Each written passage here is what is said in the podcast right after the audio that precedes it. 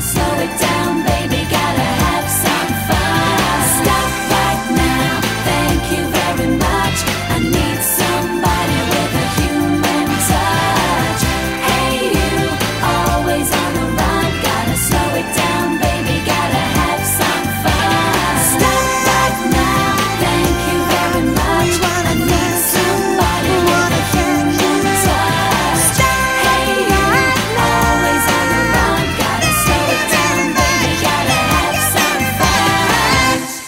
til Orange Snak. Mit navn er Kjersten F. Stolberg, og vi har lige hørt Stop af Spice Girls.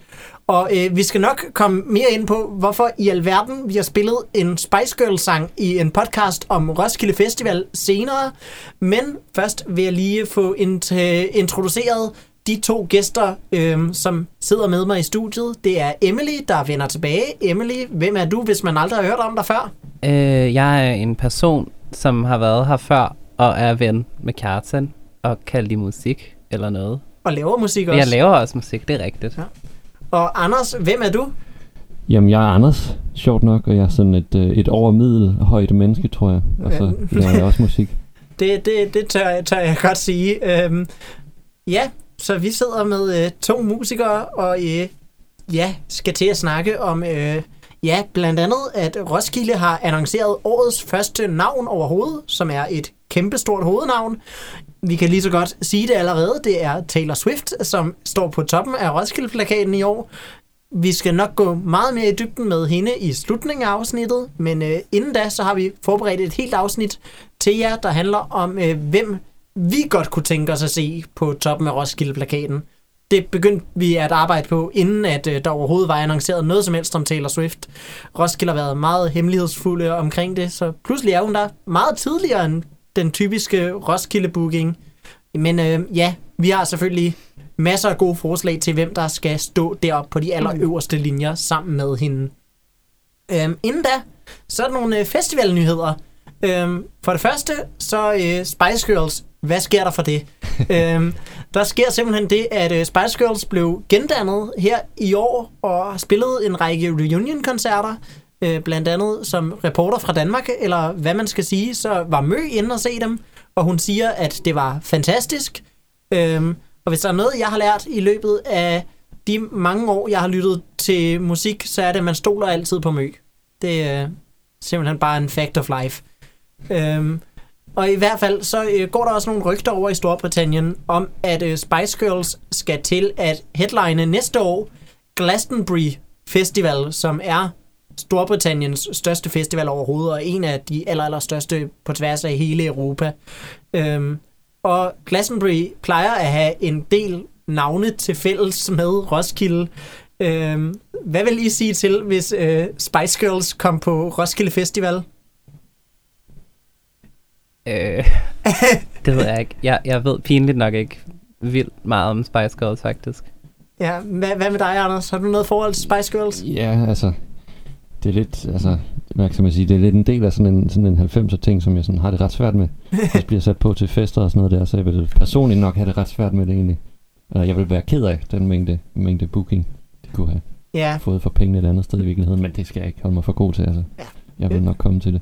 Der Ja, jeg går tror også, jeg vil ovenikøbet tage ind og se ry- rygter. Der går en smule rygter. Jeg tror ikke en skid på de rygter om, at så at, øh, at Glastonbury åbenbart...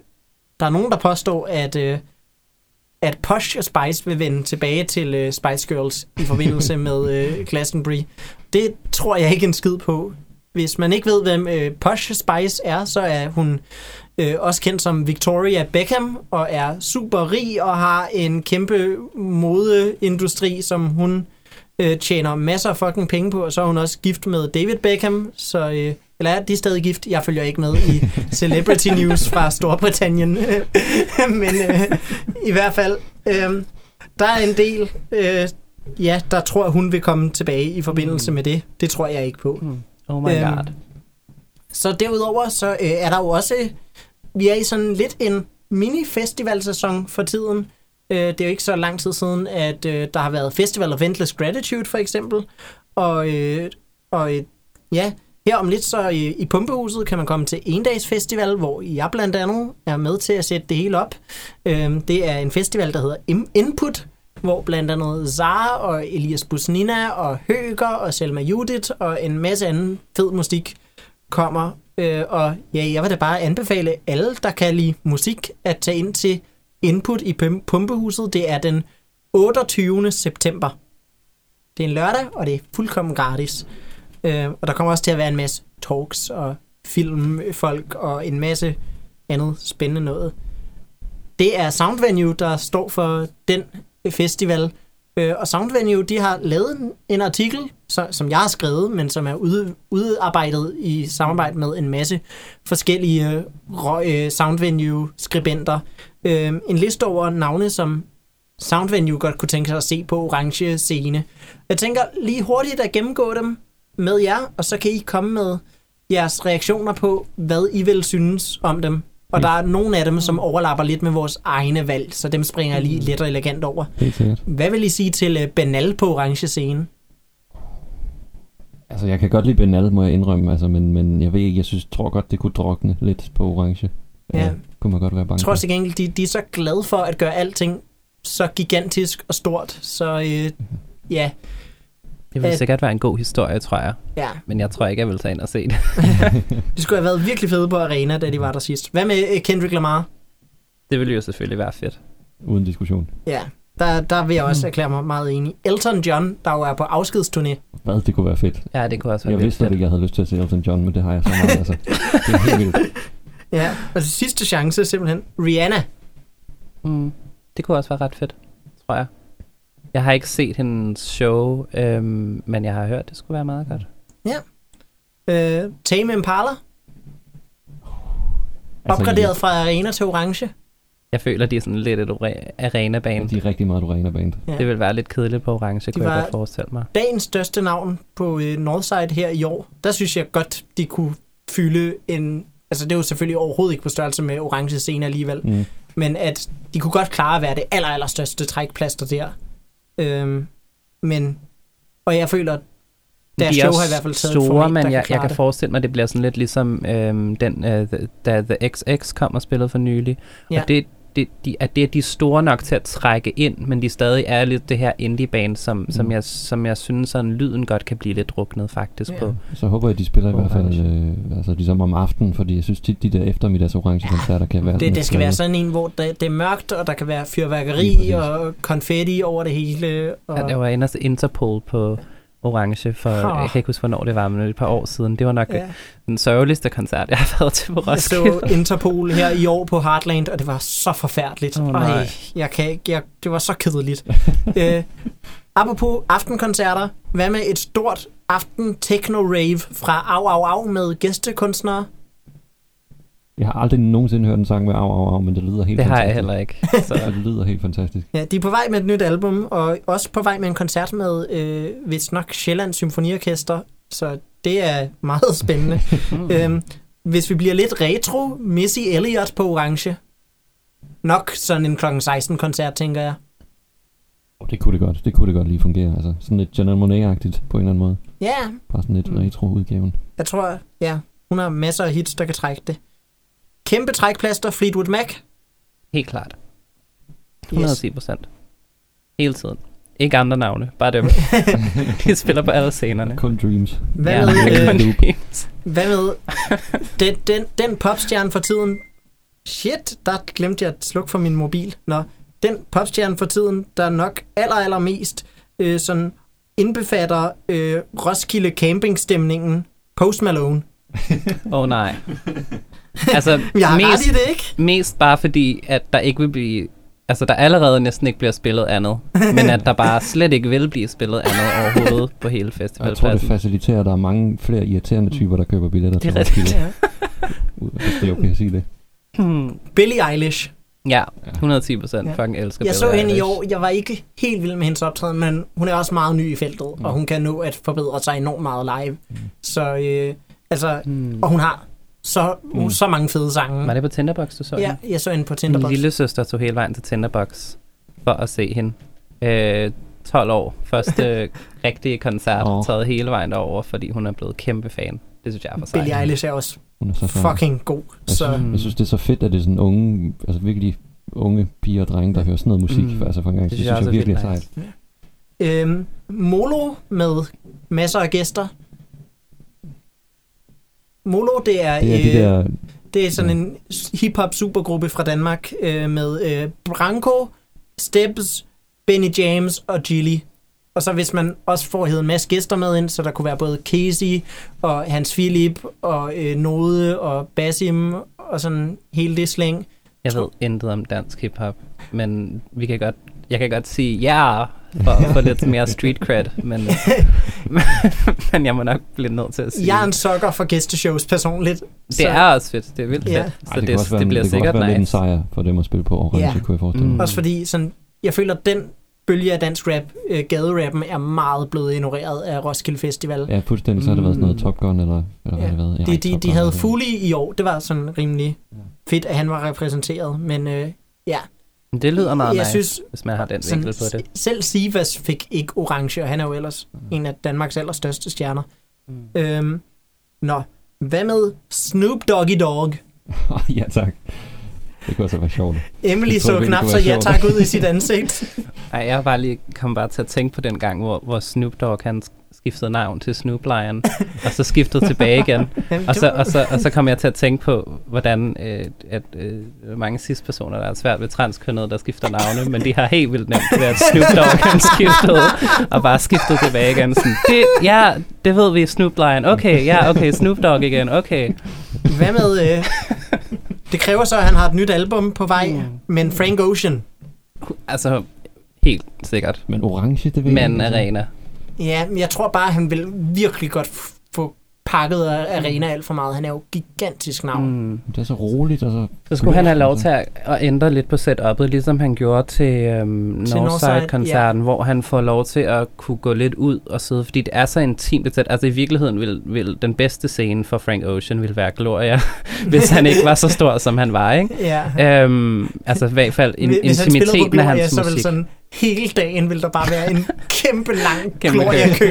Bare for Frank Ocean. Jamen, jeg mener ikke i forhold til størrelsen, Ja, men i forhold ja, til hans ja, musik, hvis han totalt. skulle spille på en ideel scene i forhold til den stemning, han prøver på at skabe, så, så er det bare det er svært at få ham, få ham noget sted hen, hvor det giver mening, medmindre han kan få lov til at ændre scenen lidt. Mm. Ja. Ja. Øhm, og det, det kan godt være, at han kan få lov til det med, med orange, Mm. og det kunne være fedt. Yes. Nå, men Emily, nu har vi gennemgået alle dem, som Soundvenue synes skal være på orange scene. Ja, Ja. Du har måske taget to hovednavne potentielle med, der passer bedre til arena. Det ved jeg ikke. De, ja. De er sådan lige på vippen, føler jeg i hvert fald. Hvem, mm. Hvem er det første navn, du har valgt at i spotlyset? Det første navn er jeg vildt skuffet over, at Soundvenue ikke har valgt at have med på sin liste. Jamen, jeg tror, det var vist mest fordi, vi, vi dømte, at de ikke var af orange størrelse. Men mm. øh, Mm. ja, Øhm, ja, det er The 1975, som jeg er I stand, I stand. og de er de er mega fede, og, og deres, deres, øhm, de har et nyt album på vej. De udgav et, et album her i 18, slut 18, øhm, og har, har turneret rundt med det lige siden. Og, øhm, og du var inde og se dem, ikke? Jo, jeg var inde og se dem. Øhm, og øhm, hvornår var det? Det var lige en måneds tid inden Roskilde. Ja. Øhm, det var vildt. Altså, jeg synes, det var vildt fedt. Der var nogle anmeldere, der var lidt uenige. Jeg tror også, det, var, det virkede som om, de havde en lidt dårlig aften den aften. Øhm, så det kunne være fedt at se dem komme tilbage sådan med, med fuld power. Jeg synes, det var helt fantastisk alligevel, for jeg havde gået i tre måneder og set frem til den koncert. Jeg synes også, for, forsanger Maddie Healy, han virker som sådan en meget gennemtrængende personlighed, når man er i sådan lige over for ham Mm. i et reelt space. Ja, han, han, han virker... Han er sådan en menneske, man får lyst til at smile af, at bare se ham være sig selv, ikke? Præcis, og, og, og, og, og jo, måske størrelsesmæssigt kunne det godt være, at de var passet bedre til orange, men, men der er altså alligevel, øhm, der tror jeg måske alligevel, I undervurderer, øh, hvor, hvor store singler som Chocolate og, og de, de sådan tidlige øhm, fra deres øh, første album. Øh, der er vildt mange singler der, som Ja. blev rigtig, rigtig store, og som jeg tror, øh, der er jo rigtig mange, der vil tage ind og se dem for det. Og så er der også en masse, der, der så sådan følger dem mere intenst sådan siden med, med, med de andre albums, de har udgivet. Men jeg tror, en orange koncert kunne være helt vildt fantastisk med dem, fordi de har tit de her store øh, skærme, og, og de kører jo rigtig meget på, på med global opvarmning lige nu, og, og øh, de har haft Greta Thunberg med øh, til hmm, intro-tracket, hvor de, så de starter hver koncert lige nu med hendes øh, tale omkring Ej, øh, global opvarmning og sådan noget. Der er virkelig meget fokus på det. Øh, de er enormt politiske, de vil passe totalt ind i, i en Roskilde-sammenhæng, og de vil passe totalt ind på orange. Ja, Øhm, så det er det, jeg foreslår. Det ja. kunne være fedt. og øh, jeg tror også sådan, jeg føler, at uanset hvad, så vil deres kommende album, som i hvert fald fra anden singlen People der, den, øh, jeg tror, at den vil komme til at få dem ud til et helt andet nyt publikum, mm. samtidig med, at du ved, de dedikerede fans et eller andet sted vil have opbygget det forhold til dem, at, altså okay, nu dømmer jeg kun ud fra en single selvfølgelig.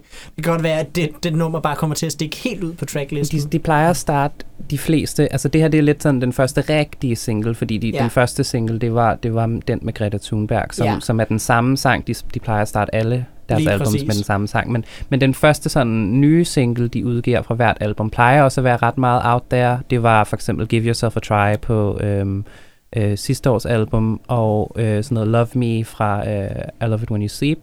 Øhm, Ja. Så det er typisk nogle meget mere sådan in your face-agtige, boom, nu er der en kæmpe sang, hvor du lige virkelig skal wake up, wake up, wake up, og så øh, kan det, jeg tror, albumet kommer til at kunne udvikle sig en del mere i dynamikken rundt omkring, så, så jeg ved ikke, hvor anderledes det, det i virkeligheden kommer til at være, men det Ja. får vi at se, det bliver også spændende. jeg føler i hvert fald, at den sang gav mig en helt ny værdsættelse for dem. Så jeg synes da, at øh, ja, det er, med mindre du har mere at sige om 1975, det har du altid. Jeg har altid, men, jeg, sige, men jeg har en, en, en enkelt kort ting at sige, ja. Og det er, at de, de headlinede Reading og Leeds i, Ja. i år, og det var sådan ret stort øhm, for dem, fordi det, var sådan, det, det er jo lidt deres Roskilde, de kommer fra Manchester.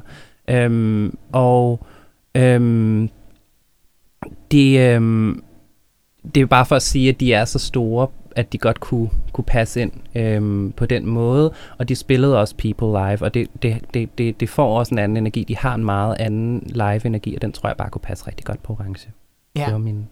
Jeg kunne godt tænke mig at se dem sidst. Øh, jeg var på en festival, hvor de spillede, så stod jeg og bare ventede på den anden scene på, at Radiohead gik på, mens de, de øh, gav deres koncert.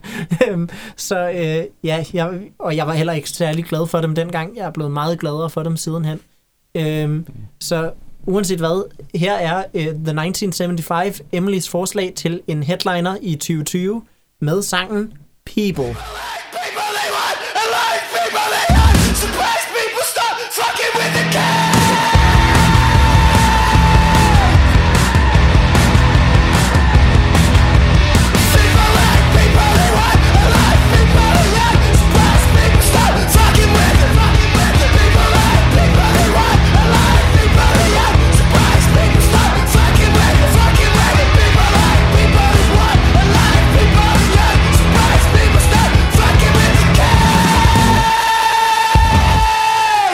Det her var People af The 1975. Anders, du har hørt 1975 før, men har du hørt dem på den her måde før? Nej, altså, jeg, jeg synes ikke, der er et eneste ting, der minder mig om, øh, om de der pop-hits fra, fra, fra nogle år siden. Det er helt vildt jo. Ja, Det er fandme sindssygt. ja, jeg håber virkelig meget, at det her bliver sådan kendetegnende for, for deres kommende plade, som... Ja, øh, er du? Ja, når den udkommer, så kommer jeg til at skrive en anmeldelse af den, som man kan finde på soundvenue.com. Så øh, ja, det ser jeg rigtig, rigtig meget frem til. øhm, Anders, du har også taget et navn med, som du godt kunne tænke dig at se på øh, toppen af Roskilde-plakaten. Du har faktisk taget to med, men Ja, øh, lad os tage et af dem. Jamen, jeg har i hvert fald som det første har jeg taget Lana Del Rey med, og det har jeg øhm, øh, som udgangspunkt, fordi hun lige har udgivet en ny plade. Og det har ligesom født en, øh, en genforelskelse af en anden verden.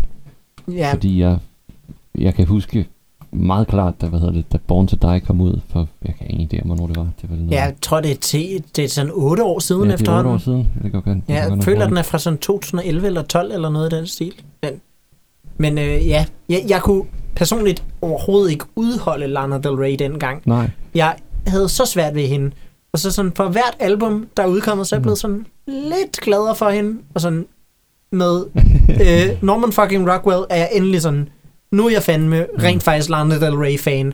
Det her album virker så meget for mig. Ja. Men Ja. Jeg, jeg ved heller ikke, om det var fordi, den, den ramte noget i mig, sådan 13-årig mig, den der Born to Die, men der var et eller andet, hun rammer den der sådan, det der sted mellem at være sådan, den sådan rimelig irriterende, og så være sådan fucking sej samtidig. Og det, er sådan, det var som om, at, at de første, den første, og til dels også den anden, der var den sådan lige midt i skæringspunktet. Og så synes jeg, synes jeg, den gik lidt mere over i, øh, over i irriterende. Og så hørte jeg, hvad hedder det, og så kan jeg huske, så hørte jeg, hvad hedder det, de første linjer på, øh, på titelsangen her, Norman fucking Rockwell, og den mindede mig bare om, hvor, hvor sej hun kan være. For jeg kan huske, jeg kan huske, da jeg forelskede mig i hende på Born to Die, der var det, der var den sang, der hed Cola, tror jeg, hvor de, de første fire linjer lyder sådan, My pussy tastes like Pepsi Cola. My eyes are white like cherry pies. I got the taste for men who are older. It's always been so. It's no surprise. Og jeg tænkte bare sådan, hvad? Hvordan kan man være sådan... Hun formår at få den der sådan forelskelse, den der sådan fuldstændig selvovergivende forelskelse til at bare være sådan sej, eller sådan, det man godt vil være. Jeg synes simpelthen, hun er så god. Og det synes jeg, den her Norman fucking Rockwell illustrerer så fint igen. Igen med de sejeste åbningslinjer, der jeg længe har hørt. ja, jeg synes, hendes sangskrivning er blevet så utrolig forfinet Mm. og, og perfekt, både i forhold til sådan hendes måde at, at konstruere melodilinjer, Mm. og i forhold til hendes måde at sådan etablere Ja, et univers rent øh, sådan lyrisk. Ja. Ja. Øh, det, det er, hun er helt vildt dygtig, og så føler jeg også, at al den instrumentation, der sådan omgiver hende, også bare er enormt vellykket. Øh, ja lige præcis. Jeg synes Altså- også, den er meget mere sådan tilbagelænet. Jeg synes, det blev lidt meget med sådan... Det kunne godt blive sådan lidt, sådan lidt overproduceret og, og, og kaget ind i reverb og sådan der. Jeg synes, det er virkelig... Det er sobert, og det er alligevel, så, så står det der... Så står teksten og, og ligesom hende bare meget mere tydeligt frem. Ja, minder mig sådan lidt om, øh, faktisk nærmest sådan, ja, Beach Boys pet sounds i sin lyd, hvis det giver mening. Ja. Der, der, er- der er bare sådan den her utrolig forfinede klasse, men også sådan et eller andet sted, den her bagkant af død og angst, der, der, der Ja. ja. befinder sig indenunder den her indpakning, og som altid sådan lige piger Mm. mm. og på vej til at komme ud. Jeg synes det også, det er rigtig spændende, at hun, hun altid har spillet på hele den her sådan lidt sådan American Girl Ja. Ja, øh, persona, og hvordan den sådan er blevet lidt fordrejet på det nye album, at det er blevet meget mere sådan, okay, men hvor fedt er det så at være American Girl, når, når, når det er det her Amerika, man skal leve i, med for eksempel Trump og, og mange andre ting. Så det virker som om, hun kommer sådan lidt ud og, og får sådan lidt en identitetskrise omkring hendes, hendes egen persona, og det synes jeg er enormt spændende. Um, Ja. Mm. Kommer der i hvert fald noget rigtig spændende ud af. Ja, og øh, jeg så personligt, jeg ved ikke, er nogen af jer, der har set Lana Del Rey live før? Ja, jeg så hende i, i Falconer-salen i 2013, tror jeg. Ja, jeg så hende på Northside i 2014. Hvad Mm. synes du om, om at se hende i 2013 i Falconer-salen? Jeg var helt overvældet. Altså, jeg var helt overvældet. Og hele, øh, hele sceneshowet var sådan helt ornamenteret og sådan, sådan gammelt og med amerikanske flag, og alligevel på sådan, på sådan en stilfuld måde. Det var meget sådan... Man følte, at man var i sådan en, øh, en sådan gammel amerikansk jazzklub under vandet, eller sådan et eller andet. Det var helt... Ja. Det var meget vildt. Jeg, jeg kunne personligt overhovedet ikke lide den koncert, jeg var til i 2014. Men jeg tror også, det var fordi, sådan, jeg var meget, jeg var meget inde i det space, at sådan, i- altså det var ikke sådan, at jeg var aggressivt bare sådan, ui, jeg hader Lana Del Rey, fordi jeg, Ultraviolence var enten lige udkommet på det tidspunkt, eller også var den på vej, Ja. og jeg synes faktisk, at der var nogle fede singler fra, fra den plade, og sådan, jeg følte virkelig, at jeg gerne ville give Lana Del Rey en chance, men jeg føler også, og måske netop, at jeg ikke kunne lide koncerten, fordi den var så gennemført ja. øh, et eller andet sted. Du ved, Ja. den, den var helt perfekt Mm. i at opnå alt det, som Lana Del Rey stod for, Mm. men det var bare noget, som teenage ikke kunne lide dengang. Det er også lidt meget, det er meget sådan et koncept. Man er ikke i tvivl om, sådan, hvor, hvor, hvor man skal hen med det her. Det er sådan, Ja, og jeg tænker også, hvis netop hun er lige så gennemført. Nu øh, missede jeg hende desværre, da jeg selv var på Tinderbox her i år. Øh, jeg så... Øh, mens Lana Del Rey spillede på Tinderbox, var jeg nede på den scene, der hedder Groovebox, og der så jeg en fælles koncert med Hathaway og Dr. Alban. Nå, det lyder vildt. Priorities. Ja, men jeg tænkte, jeg har set Lana Del Rey før. Jeg kunne ikke engang lide det så meget dengang. Så nu ser jeg Hathaway og Dr. Alban. Kan man sådan lige ignorere den. Det var, det var det samme, du snakkede om med, med da du ventede på Radiohead. Der, havde, der sad jeg også og ventede på Radiohead. Det kunne slet ikke lide 1975. Nu sidder jeg græder over, at jeg ikke tog til den koncert. det var også, Radiohead var dog fantastisk. Ja, jeg er det glad for, at jeg stod Det så de. tæt på. Og selvom jeg vil gerne det var min se yndlingsplade, de 1975. var på turné med dengang, men jeg kunne ikke lide den dengang. Så var det fedt. det var vildt nederen. Oh, Ja, og jeg, jeg vidste heller ikke, at Lana Del Rey ville, da hun var på Mm. turné på, på Tinderbox her den forgangne sommer, at hun var på turné med en plade, som, ja, da den udkom to måneder senere, at jeg totalt ville forelske mig i den. Mm. det kunne jeg jo ikke vide. Ej. Nå, men øh, jeg fik set øh, Dr. Alban. Øhm, nå, min, I får, på grund af det, så skal vi nu høre en sang af Dr. Alban. Nej, øhm, vi skal ej, høre nu en, bliver jeg ked af det. Du har ikke lyst til at høre synge Halleluja? Hvis vi skal, Kjartan, så kan vi, kan Ja. vi måske... Ja, jeg tænker, at nu sagde du, at øh, titelnummeret fra Norman fucking Rockwell gjorde Mm. så stort et indtryk på dig. Okay. Så jeg tænker, at vi skal høre Norman fucking Rockwell. Det synes jeg fucking, vi skal. ja, god idé. Goddamn man child. You fucked me so good that I almost said I love you. You're fun and you're don't the half of the shit that you put me through. Your poetry's bad and you blame the news. But I can't change that, and I can't change your mood.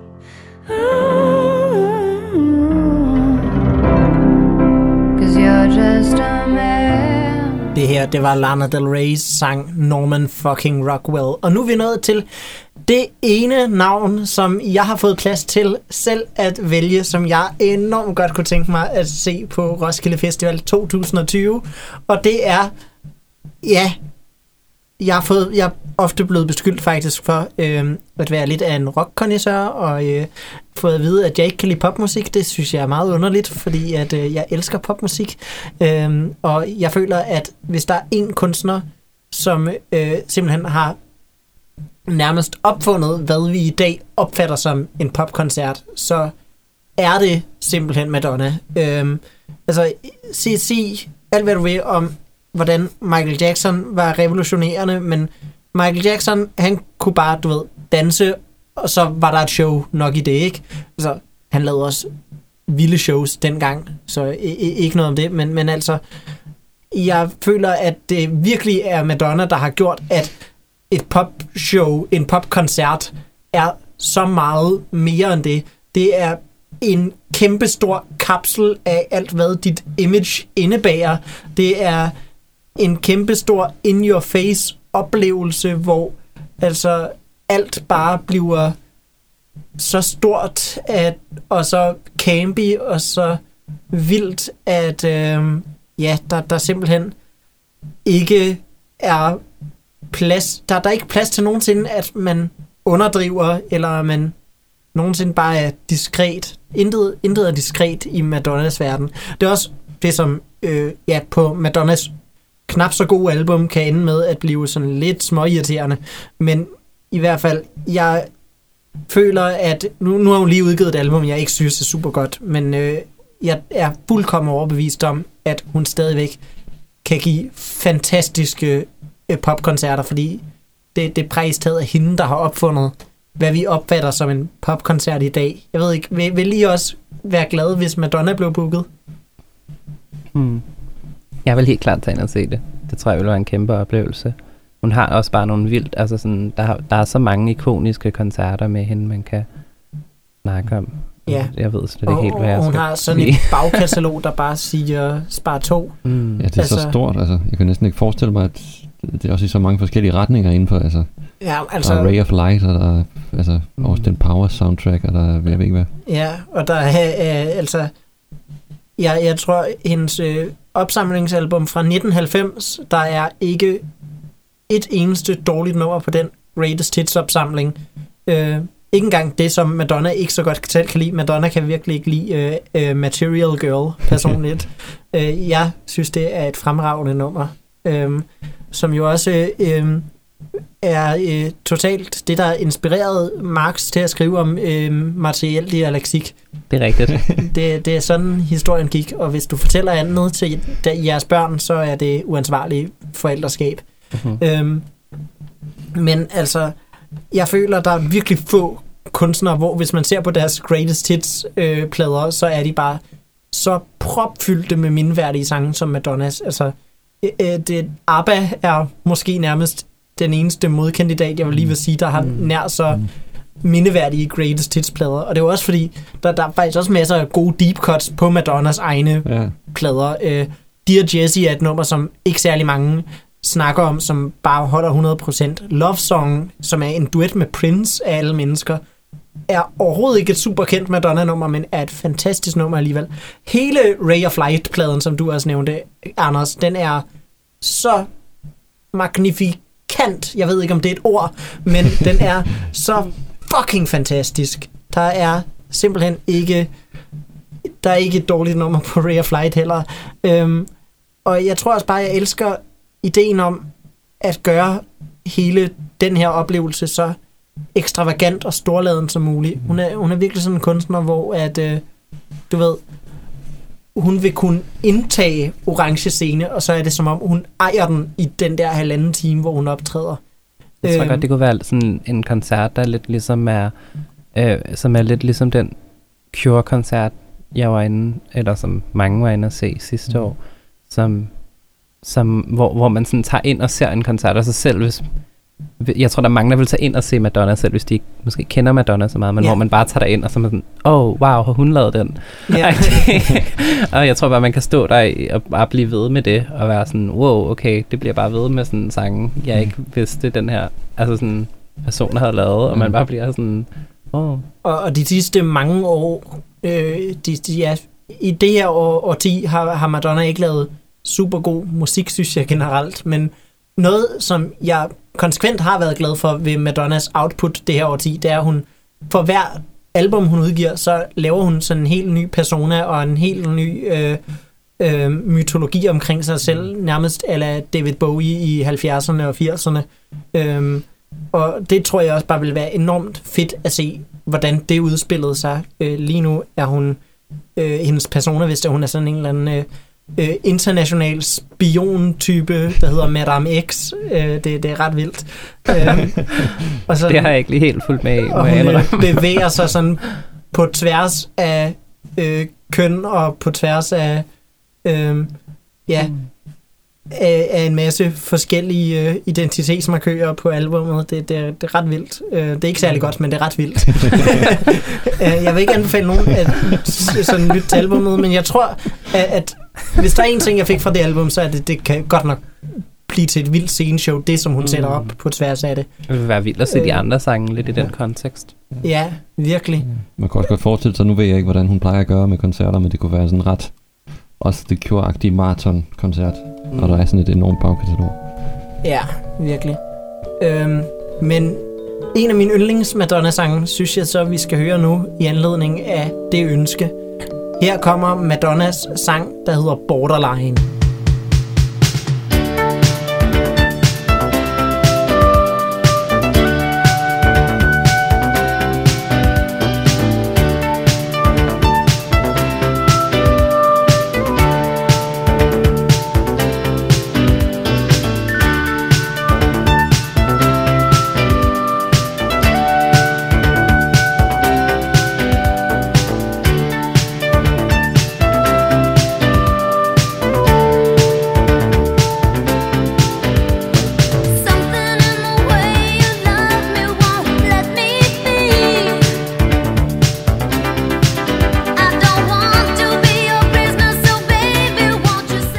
Var Madonnas 80'er klassiker Borderline. Og øh, ja, Emily, du har taget endnu en kandidat til en Roskilde 2020 headliner med. Ja, jeg har taget en øh, musiker med, som også spiller en koncert lige om lidt, som jeg skal ind til. Lige Jeg skal også ind til den. Uh. Jeg skal skrive en anmeldelse af den koncert. Uh. Det bliver spændende. Ja. Ja. Det bliver godt. Hun har lige udgivet en ny plade, og det er ifølge hende selv den bedste plade nogensinde. Jeg, Og den er ret god. Den jeg, er virkelig jeg god. vil i hvert fald kalde det hendes bedste plade nogensinde. Det synes jeg også. det, Men, det, men det er, der, så vidt jeg kan jeg godt give hende ret. jeg synes også, at det er en af de bedste plader, jeg har hørt i år. Men jeg er også i en, Ja. i en meget pop-fase lige nu. Øhm, men jeg synes virkelig, den er god. Og det er øh, Charlie XCX med Charlie. Ja. Øhm, og ja, virkelig, virkelig en, en, en flot plade. Øhm, hun, hun har en masse vildt spændende features med. Øhm, features med folk, nogle af de mest interessante, der sådan er rundt i popmiljøet lige nu, synes jeg. Øhm, features med, med folk, som, som lige har spillet på Roskilde Festival Ja. øh, her i år. Øhm, for eksempel øh, Lizzo. Lizzo har hun en sang med, hun har en sang med Cupcake. Øhm, Cupcake, og hun har en sang med, Jeg vil prøve at komme hurtigere end Du dig. vil sige det hurtigere end mig hver gang. den, vi begge to tænker på. og, den, og, og, og, vi tænker begge to på Christine and the Queens. ja. Øhm, og ja, så det vil bare være ret oplagt, hvis hun kom. Jeg ved ikke, om hun er nødvendigvis øh, orange stor. Hun, hun, hun har helt klart attituden ja. til at kunne gøre orange, øh, spille orange op. Hun det ville være en af dem, der var lidt på grænselandet. Og sådan, Ja. hvis hun bliver booket til arena, bliver det jo helt klart Hmm. arena i aller, aller bedste placeringstid, føler jeg. Mm. Mm, Jeg tror også, hun er, hun er en del mindre i Danmark, end, end hun måske egentlig lige fortjener at være, synes jeg. Der er ikke engang... Øh, ja, der er stadig billetter til en stor Vega-koncert, for eksempel. Præcis, præcis. Så køb de fucking Køb billetter, de billetter. Til, til Charlie XCX i Store Vega. Det gælder dig, Anders. Okay.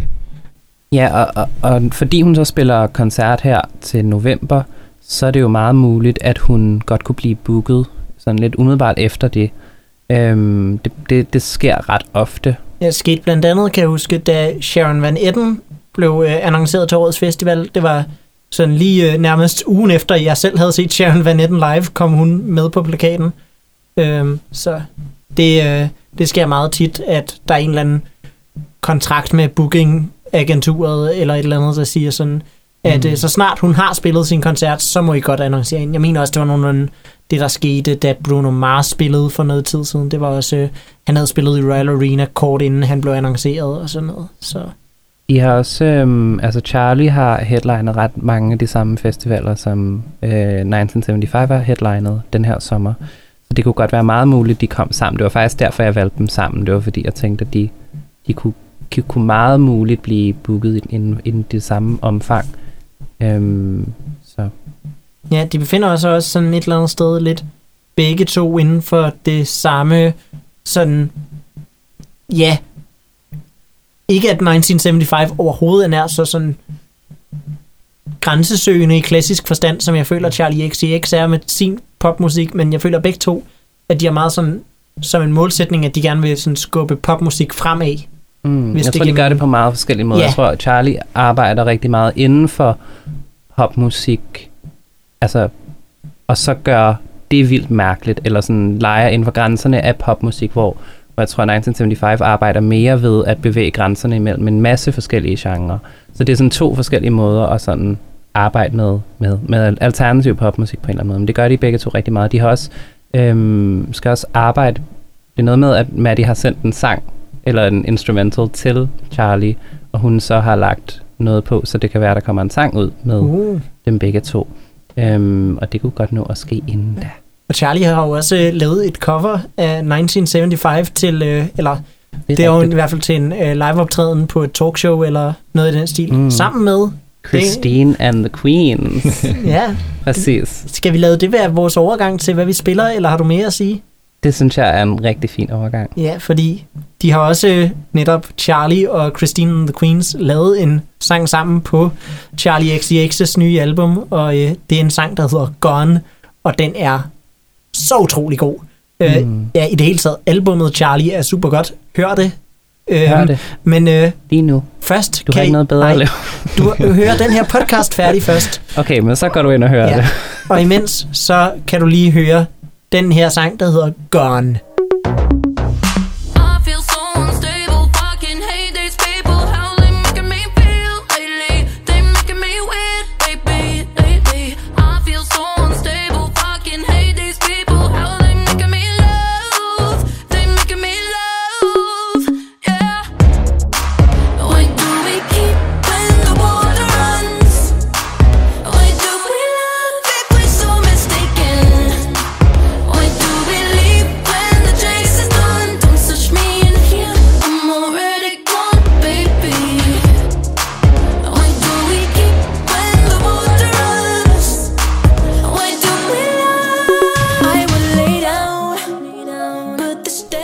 Det var Gone af Charlie XCX og Christina and the Queens.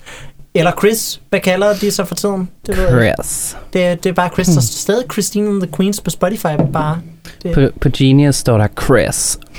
Ian and the Queens, men så er Ian and the Queens streget ud. Fuck, hvor sejt. Det er ret fedt. det er ret vildt. Nå, Anders, Ja, du har taget et andet navn med, som øh, du godt kunne tænke dig at se på årets Roskilde Festival. Et navn, jeg har set live to gange, Ja, ja. og øh, begge gange har været fantastisk, så jeg synes da også bare, at øh, vi skal få dem på Roskilde Festival. Hvem er det? Ja, jamen, øh, jeg har valgt Bon Iver simpelthen. Velvidende om, at det sagtens kunne blive en, øh, en kæmpe fiasko på orange scene, kan jeg være bange for. Ja, det de, har de har jo været på øh, Arena før, hvor det efter sine skulle have været fantastisk. Men det har jeg gjort simpelthen. Jeg tror også, du var... Har du set ham på Haven? Ja, Der så det var jeg- så fucking det var godt. nemlig så sindssygt godt. Jeg tror, det er en af mine største koncertoplevelser nogensinde. Jeg stod vildt langt væk. Ja. På Ja. et, altså fordi at jeg var sammen med en, der, der, der havde en vagt ved siden af toilettet. Så, det var ikke, så for mig var det ikke sådan helt lige så godt, fordi jeg var så langt væk. Så jeg tror, det var min pointe med det er, at, at, at jeg tror, du har ret i, at det godt kunne, kunne blive noget, der, der kunne Ja. forsvinde lidt på orange, fordi det er så sådan stort, det hele. Men hvis man kan skabe den samme intime følelse. Lige præcis. Og det, jeg kan huske det der, fordi mm. jeg har synes tit, jeg har... Det kan godt være, det er en personlig ting, men jeg har tit svært ved, ved på festivaler, de der sådan mere... De der sådan mere afdæmpede, eller lidt mere sådan mindre energiske koncerter, kan tit lidt sådan falde lidt fladt i konteksten, sådan, hvis man lige Ja, har især set. hvis det er et meget stort navn. Ja. Som, altså jeg føler, hvis det er sådan lige en eftermiddag på Pavilion, Ja. og det er det, man går ind til, eller især på Gloria. Jeg Ja, en, do, præcis. en stille Gloria, koncert ja. går aldrig galt på Gloria. Ja. Men øh, ja, Især de der morgenkoncerter med Ja. indie darlings. Ja, men jeg kan huske, jeg synes. Sharon Van Etten for eksempel, som jeg elsker til hudløshed, og jeg synes bare, det var, det var ikke, fordi det var en dårlig koncert. Det var bare sådan lidt flat i forhold til, til hvor meget andet man kunne, eller hvor meget andet sådan en festival kan. ja. I forhold til, hvis jeg havde set hende i, i Vega, for eksempel, eller sådan noget. Ja. Men jeg kan bare huske specifikt den der Bon Iver-koncert, at det var som om, at, at fordi det er jo også meget lav energisk, kan man sige. Det tror jeg ikke, der er nogen, der er uenige i. Nej. Men sådan det der, men sådan det der, jeg kan huske, da han, da han spiller den der, det her nummer, jeg også har taget med, 22 Over Soon. Jeg kan bare huske, det går op for mig sådan, der er fuldstændig stille. Altså, Ja. Jeg har aldrig oplevet til den, den der samme sådan helt stillhed.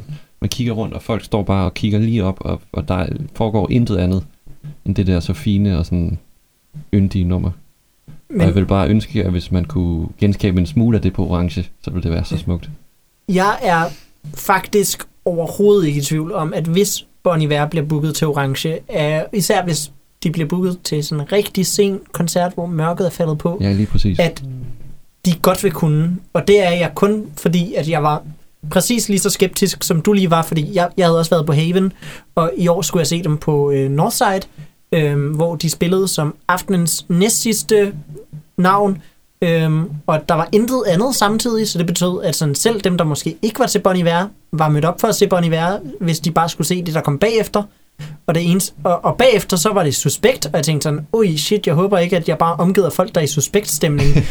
øhm, jeg havde lige set øh, øh, Kurt Weill and the Violators, øh, og stillede mig, de spillede en relativt kort koncert sammenlignet med, hvem end der var over på øh, den store scene samtidig. Det kan jeg ikke lige huske, hvem var. Men øh, Kurt Weill and the Violators var meget stille, øh, lavmældt koncert, øh, og så tog jeg videre til øh, Bon Iver og tog lidt tidligt hen til det, og der var bare sådan, man kunne mærke, man ville kunne høre en knappenål falde mod jorden, og vel at mærke, al jorden på Northside er græs. så øh, det er græs og jord, og øh, ja, der, der var fucking stille. Jeg tror, det nummer, der især gik ind under huden på mig, det, var, det blev så ikke spillet, da vi så øh, Bon Iver på Haven, men øh, det var Woods, som jo Mm. mm. famøst er blevet samlet af den kære Kanye West, som under ingen omstændigheder kommer på Roskilde nu, hvor Taylor Swift er blevet booket. men øh, ja, det, det, er, at, øh, det var simpelthen utroligt. Han gav så mange mennesker en klump i halsen, og folk holdt deres fucking kæft. Også på Northside, der er folk er meget dårligere til at holde kæft, end de generelt er på Roskilde.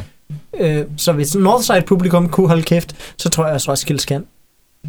Jeg tror også, Nu han er er- ligesom, han har en bred nok appel med de der, han har alligevel nogle, altså sådan nogle, hvad skal man sige, indie hits på sin egen måde, til man kan hive Ja. mange mennesker til koncerten på en eller anden måde. Mm. Jeg Jeg føler tror om... virkelig, det kunne være, Han er også stor i, i, i Danmark. Han er sådan lidt det omvendte af, af det med så Charlie XX, som er, som er stor i udlandet men, Ja. og internationalt, men ikke rigtig som om, at der ikke er så mange, der kender hende i Danmark, hvor Bon Iver har sådan lidt den omvendte. Altså han er også Ja. stor i udlandet, men, Men han det er, er som om, han er ekstremt stor i Danmark af en eller anden grund. til, ja, det er rigtigt. Jeg tror, Altså det er, fordi sådan- han har sådan det der skandinaviske skovmands øh, shit kørende. Men det er, som om, det, det er også lidt som om, han er blevet en af de der Eller sådan... de er Bon Iver øhm, band. Øh, Ja, men det, det er som om, der er sådan nogle, der er sådan nogle enkelte ting, der sådan bliver vildt store i Danmark. Ja. Og sådan, der er nogle, så, så, så for eksempel inden for indie, så er der lige sådan en, en 5-6 indie-kunstnere, der lige sådan bliver vildt store, Mm. som for eksempel Tame Impala og Mac DeMarco og Bon Iver. Er sådan nogle af dem, der sådan er blevet helt ekstraordinært store, selvom de lidt er lige så store som en masse andre Jeg tror også, internationalt. det handler om, at de, de navne har været rigtig gode til at også være ofte og give koncerter i Danmark Mm. mm. på de helt rigtige tidspunkter i deres Ja. karriere. Blandt andet også med nogle virkelig mærkbare festivaloptrædener, blandt andet på Roskilde Festival. også for Og jeg eksempel tror The også, National øh, med The National er også meget større i Danmark, end de Mm. Mm. generelt er i udlandet. Ja. Og Men så er jeg der tror nogle bands som Yola Tango, som, som jeg føler ingen snakker om i Danmark, Nej. men som er Lige mindst lige så store i Men virkeligheden. jeg føler også, når, når jeg er på internationale musikfora og på Facebook-grupper om musik, så der er ikke særlig mange. Det, folk snakkede lige om det nye Bon Iver-album, da det udkom, Mm. og sådan. Men jeg har ikke hørt folk snakke om det i ugevis. Nej, overhovedet ikke. Nej, Men, øh, det men i Danmark hører jeg flere folk snakke om det. Men Ja, ja, jeg min synes, det pointe er- var bare, synes, at han det kunne godt trække til ja. orange. Ja, det på tror jeg også det. helt klart. Jeg synes, synes, det nye er Bon Ivers mindst gode album, men det er stadigvæk et rigtig fint, godt album. Men de Det har også lavet vildt gode. Ja. Det er på ingen måde dårligt, men det er også en, øh, en hård diskografi at kon- hvad, konkurrere Ja. med. Ja. Øhm, jeg tænker, at vi skal høre et af de bedste numre, Bon Iver har lavet, øh, som du jo har udvalgt, Ja, Anders. Vi skal Medmindre høre. du har mere at indvende, inden vi hører det. Nej, det synes jeg er en dejlig idé. Jamen, så skal vi høre 22, parentes, Over Soon af Bon Iver.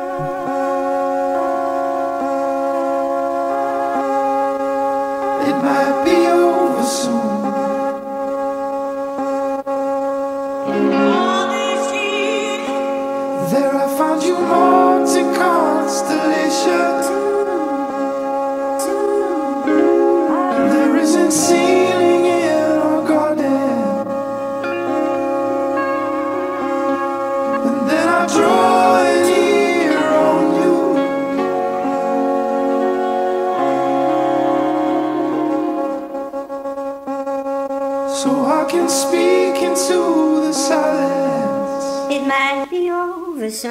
Det her, det var så 22 Over Soon af Bon Iver fra deres fantastiske album 22 A Million. Øhm, vi er nået til det sidste punkt på dagsordenen. Øh, vi er simpelthen nået dertil, hvor at, øh, vi skal snakke om Roskildes første booking nogensinde. Da jeg inviterede jer to ind, Emily og Anders, så vidste vi jo faktisk slet ikke, at vi skulle snakke om en ny Roskilde booking. Den de første Roskilde-bookinger, de plejer at komme i slutningen af oktober. Sådan har det været de sidste mange år. En gang i løbet af den sidste uge i oktober. Konsekvent. Øhm, den her gang, så er de så tidligt ude, at det er øh, her midt i september, at øh, det, det udkom. Øh, det var i tirsdags, så fik vi annonceret, at Taylor Swift er det første hovednavn på Roskilde Festival. Øh, og øhm, der har været mange, der er sure. Øhm, og jeg vil lige sige, at øh, personligt, så er jeg ikke interesseret i, at øh, Orange Snak er en podcast, hvor vi er sure over bookinger. Øh, vi er måske sure over, hvis der er mange bookinger, der ikke er interessante, men sådan den individuelle booking, personligt, så er det mere sådan et spektrum af, det er noget, der ikke siger mig noget, eller det er noget, der siger mig noget. Og Mm. Jeg synes, det er fjollet at forvente, at hver eneste booking på Roskildes plakat skal sige en noget. Øhm, det er i hvert fald min holdning, og jeg ved ikke, om I I booker enormt enige. bredt jo. Altså, så det er Ja. svært at gå ind og sige, at så skal det hele sige mig noget specifikt. Altså sådan, Ja, synes jeg lige er præcis. urealistisk at forvente. Ja, og jeg synes, altså det er helt vildt fedt og flot, at Roskilde Festival er de første i Danmark til nogensinde at få Taylor Swift til landet. Mm. Det, øh, det, det er helt stort. Jeg, jeg tror, det handler måske også lidt om, at hun er blevet annonceret, mens der ikke er andre, der er blevet annonceret, og det er blevet annonceret så tidligt.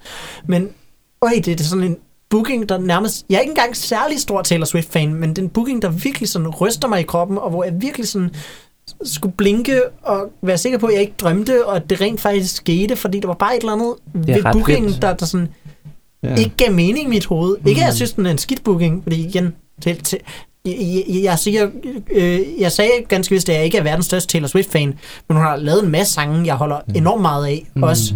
Så øh, jeg synes, at hendes nyeste album, Lover, er en rigtig, rigtig fin popplade, som også vælger at trække lidt mere tilbage mod hendes country-rødder, end øh, hendes sidste mange par Mm. skiver har gjort. Jeg synes også, altså det her med, at den kommer så tidligt, og sådan et eller andet, om, om man kan lide booking eller ej, så synes jeg, det lover godt for det her sådan 50 års jubilæum på en eller anden måde. Ja. Jeg synes, det Mm. tegner et, et billede af noget specielt. Jeg var øh, inde til en talk her i onsdags, hvor at, øh, inden at talken begyndte, talken var jo øh, med en transkvinde, der hedder Moisha. Jeg kan ikke lige huske hendes fulde navn, men Moisha, hun gav sådan en fantastisk talk. Der var en blanding af noget performancekunst og et, en deling af hendes egne oplevelser, hvor hun kom ud som transkønnet. Og øh, ja, det, det var øh, helt vildt. Også netop, hvordan Roskilde Festival har været en platform for hende til at øh, kunne opdage ting om sig selv og om sit køn.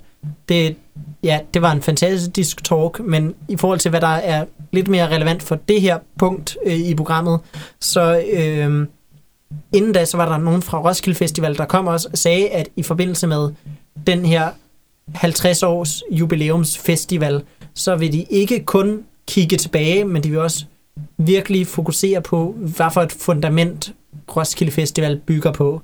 Jeg ved ikke, hvad det skal sige helt konkret øh, om, at øh, jeg ved ikke, hvordan deres bookinger kommer til at reflektere, at det blev startet af to gymnasieelever i 71, men øh, de siger i hvert fald, at det var noget, de ville være bevidste om, og at øh, deres øh, jubilæum ikke bare skulle blive et stort clipshow. Jeg synes også, det er fedt, at den første kunstner, de booker til deres øhm, 50-års jubilæum, det er en stor international øh, kvindelig popkunstner. Ja, Det synes jeg, der også er en, en, en meget fin pointe i, at, at det også er noget, de har fokuseret på i, i så lang tid, at de sådan, det tager det skridt og siger, okay, det, det er det, vi gør, agtigt, det er det, vi sådan lidt står indenfor. Ja. Øhm, det synes jeg også er enormt fedt. Og så synes jeg tit, at de her diskussioner omkring Roskilde Booking og sådan noget, man ser ind på Facebook, alle Facebook-kommentarer er altid vildt nederen at læse. ja. Men, men jeg synes, der kommer rigtig meget sådan en, en form for sådan objektivistisk øh, syn på musik ind over det. Ja. Sådan noget. Det her er god musik, og det her er dårlig musik. Det er sådan nogle personer, der mener det, og som, som, som jeg kan sætte sig ind i, at folk kan lide forskellige ting, og det er okay. Det synes jeg er rigtig tit Folk, at dem, der, der diskuterer alt for derinde. meget til Tool. ja, okay, intet hate til dig, hvis du lytter til Tool derude. Jeg er også kæmpe stor Tool-fan, så det, det er ikke sådan... Altså, men det er bare, der var mange Taylors, ja, der var mange i kommentarerne, der var sådan, "Øh, hvorfor er det ikke Tool? Og sådan, det udelukker ikke, at Tool bliver booket, at de har booket Taylor Swift.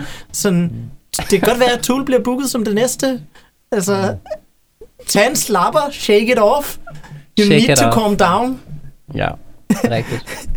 Ej, jeg, ved, jeg Altså- synes også, det er lidt hyggeligt på en eller anden måde, det der med, at folk bliver så oprørt over det, fordi det viser også bare, hvor meget, altså sådan 8 måneder før det Roskilde Festival, at man alligevel kan blive altså, ligesom påvirket på den måde af, ej, fuck, hvor er det ærgerligt, eller sådan, altså. Ja, Så vil man også, så er det fordi, man elsker det på en eller anden måde. Ja, sådan, ja, et eller andet sted. Selvom vi har et meget andet mindset i forhold til bookingen af Taylor Swift, så er det måske sådan, Ja. det er jo netop øh, den her idé om, at Roskilde Festival, selvom det kun foregår en uge om året, at det betyder så meget Ja.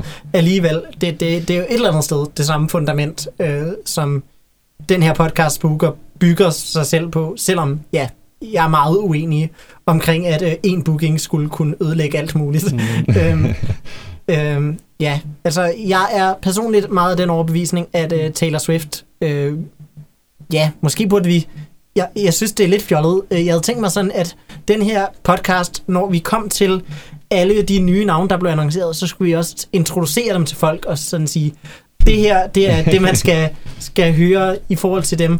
Øhm, jeg tror, indtil videre har vi måske snakket lidt omkring Taylor Swift, ud fra den antagelse af, at alle ved, hvem hun er. Øhm, er der nogen ting, I vil sige om Taylor Swift, hvis I vil forklare, hvem hun var til nogen, der ikke havde nogen som helst anelse om, hvem det er? Øhm, Det ved jeg slet ikke, hvor jeg skal begynde henne. ja. Øhm, jeg tror, det her er ikke nødvendigvis med den vinkel, men, men jeg tror rigtig mange ville synes, det var spændende egentlig at lytte til hendes nye album. Ja, Øhm, selv hvis man har hørt hende før. Øhm, jeg, jeg tror, det sige, der med at, lige dykke ned i hendes album, i stedet for bare at høre hendes singler, kan man, er der faktisk en, en masse fine ting, synes jeg. Ja, jeg synes, Taylor Swift har en virkelig irriterende tendens til at være rigtig god til at vælge de værste sange, hun har på hvert album til sine første singler. Det er der en af mine Soundvenue-kolleger, der har skrevet en hel artikel om, at øh, hun gør det konstant. Øhm, jeg synes både Me og You Need To Calm Down, som er første singlen og anden singlen fra det nye album, de er rigtig ringe sange. Men der er virkelig mange gode sange på albummet også. Så øh, ja, jeg ved ikke helt, hvad der skete med Taylor Swift i forhold til at vælge de to. Men øh, ja, der, der er sådan... Øh, på resten af albummet, på, på trods af de to sange, så er der sådan en rigtig god blanding af ikke nødvendigvis hendes rødder som countrysanger. Hun startede jo som countrysanger, inden hun blev popstjerne. Selvfølgelig altid i den meget poppede afdeling af country. Men øh, jeg føler, at det er et meget mere sådan singer-songwriter-agtigt album, end hendes tidligere udgivelser, eller i hvert fald hendes sidste udgivelse, så inden da, som hedder Reputation, som var meget mere sådan elektropop, øh, næsten lidt hiphop inspireret. Country er også kommet ret meget ind her for tiden, mm. også med Lil Nas X og sådan nogle ting. Ja, Det, det er Old Town Road, og det er, sådan, der, det er blevet lidt trendy at være sådan lidt mere, komme lidt tilbage til nogle country rødder på en eller anden måde. ja, det, det er utrolig enig i. Øhm, jeg, jeg synes personligt, at jeg vil anbefale folk, der ikke er så bekendt med Taylor Swift, og som måske tror, de kender hende på grund af, jeg ved ikke, af mediedækning af, hvor mange kærester hun har haft, og sådan noget. Og sådan memes om, at alle sangene, hun laver, handler om breakups, hvilket de ikke gør. Men øh, det, det er sådan, ja, totalt fejlslået beskrivelse af Taylor Swift diskografi, og det hele handler Altså om også lidt breakups. tit, at det sker med kvinder. Ja, øh, at man sådan lige får oversimplificeret, hvad deres sange handler om, og fordi man ikke måske, der er folk, der måske ikke nødvendigvis skal sætte sig ind i nogle af de ting, hun synger om. ja. Lige lidt øh, intersektionel feministisk Ja. analyse der. Ja, jeg synes, hvis der var nogle Taylor Swift-sange, jeg vil anbefale, at man skulle lytte til. Udover det nye album Lover, så 1989 har også nogle virkelig fede sange. Øh, jeg synes, at sangen, der hedder Wildest Dreams, er helt vildt god. Jeg elsker den sang, der hedder Style. Jeg elsker den sang, der hedder øh, Blank Space. Virkelig fede sange, som hun også alle sammen valgte at gøre til singler. Welcome to New York er også øh, en mesterlig sang fra den plade. Øh, jeg synes, hvis man ikke skal høre Lover, så er det 1989, man skal høre, øh, som også ja, har nogle meget personlige sider af Taylor Swift til stede. Det er også øh, relateret til Charlie XX, så kan du bagefter høre 1999 fra Charlies nye album. Og så bagefter høre 2099, 2099. også fra Charlies, også fra nye Charlies album. nye album. Ja, Så skal Så har vi lige lavet en 1999 playliste. med Prince. ja. Det kan Ja. komme imellem måske. og så kan man høre The 1975. Ja, præcis. Virkelig fin overall. Øh, lille fin, øh, hvad hedder det, Slu- Ja. sammenslutning på podcasten. Jeg føler, vi har rundet, hvad vi synes om Taylor Swift som booking, og Mm. jeg ved ikke, det blev meget os to, Emily. Har, har du noget, du synes? Hvad, hvad synes du om Taylor Swift som musiker, Anders? Åh, oh, det blev meget... Men altså, hvad skal jeg sige? Altså, det...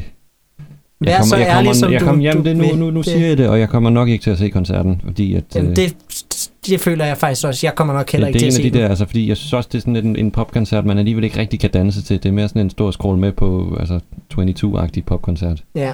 Og der er jeg ikke stor nok fan, eller, eller, eller, eller ind i det, tror jeg, til at jeg vil gøre det. Jeg kommer til at være 22, når, når hun spiller på Roskilde. Det har jeg lige indset. Så skal jeg jo faktisk til den koncert. ja.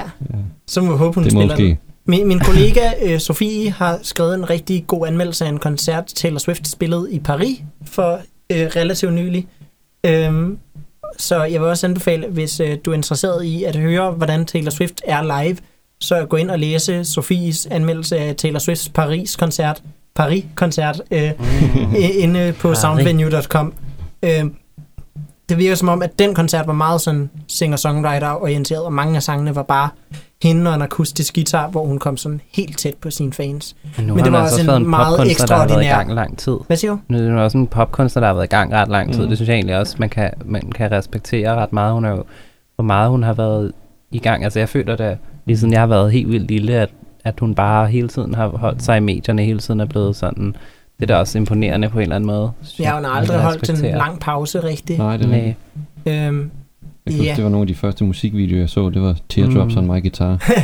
Ej, hvad var det, den hed, den der med, hvor hun er sådan i sit, på sit værelse, og så you er hun, belong with me. Ja, You Ja, Belong With åh. Me. Jeg kan huske, at jeg så den som sådan der, jeg tror, jeg gik i fjerde klasse eller sådan noget, og bare græd sindssygt meget på mit værelse Åh, til den sang. ja. Minder. Og Ja. Love Story. Er det ikke også hende, der har lavet den, tror jeg? Jo. Jeg føler mig rimelig sikker på, at hun det har lavet sang, hedder Love Story. den. Nu, Det for, nu bliver jeg faktisk lidt hyped. de første der, det synes Ja. jeg Ja. kan noget på en eller anden måde. Ja. Personligt Nu føler jeg mig alt, alt for overbevist om, at der kommer til at være et eller andet øh, weird norsk free jazz band, jeg bare må se, eller også øh, Ja, at der er kommer sådan rigtigt. et vildt japansk noise-projekt. men det gør de bare så tit på Roskilde også, Ja. at de, de har et eller andet kæmpe pop-act, og så sætter de det mærkeligste, de har samtidig. Jeg vil bare vildt gerne se det der mærkelige act, og så ender jeg med at ikke at se de der pop-acts. Og Ja, det, det var det, det er der skete, ærgerligt. da øh, Boris og Merzbach var placeret oven i Bruno Mars. Ja, præcis. ja jeg var, var sådan lidt splittet, men jeg blev nødt til at se Boris og Ja, Merzbach. præcis. og så siger alle til mig, at Bruno Mars var fantastisk. Jeg synes også, Boris og Merzbach var fantastisk, Ja. så altså, intet havde der. koncert. Nå, øh, vi har vist snakket rigtig meget om Taylor Swift nu. men øh, Første Vi ser- meget at sige. Ja, og vi ser super meget frem til at se, hvad de resterende bookinger kommer til at være. Diskussion. Og øh, det kan være nu, hvor de starter så tidligt, at vi har mulighed for at gå igennem hver eneste på Orange Snak. Det tror jeg ikke, vi får.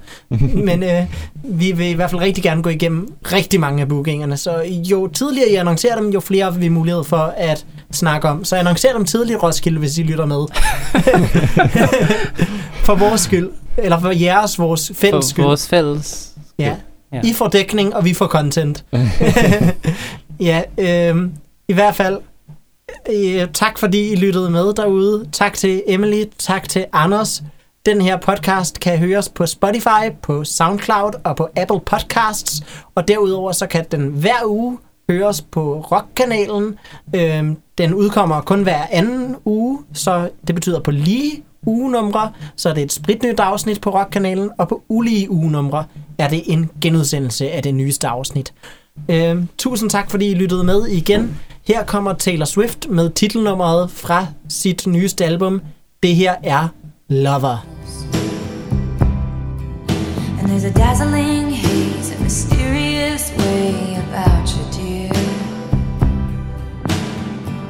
Have I known you 20 seconds 20 years. Can I go?